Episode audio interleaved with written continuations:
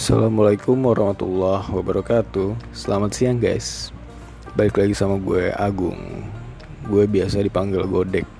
Waktu zaman sekolah SMA Kuliah pun ada beberapa teman gue yang manggil gue Godek Karena memang dia tahu pada saat SMA main sama gue juga. Jadi ya terserah kalian sih mau manggil gue apa.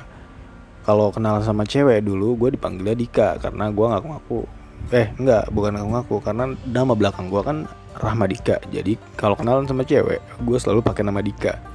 Nggak tahu kenapa gue pede aja gitu pakai nama Dika ya kan? Uh, tapi buat lo yang belum kenal gue ya terserah lo. Lo manggil gue apa nyet ke bangsat ke apa ke babi kayak terserah lo bebas. Gue tuh nggak pernah nggak pernah biasa aja sih gitu. Maksudnya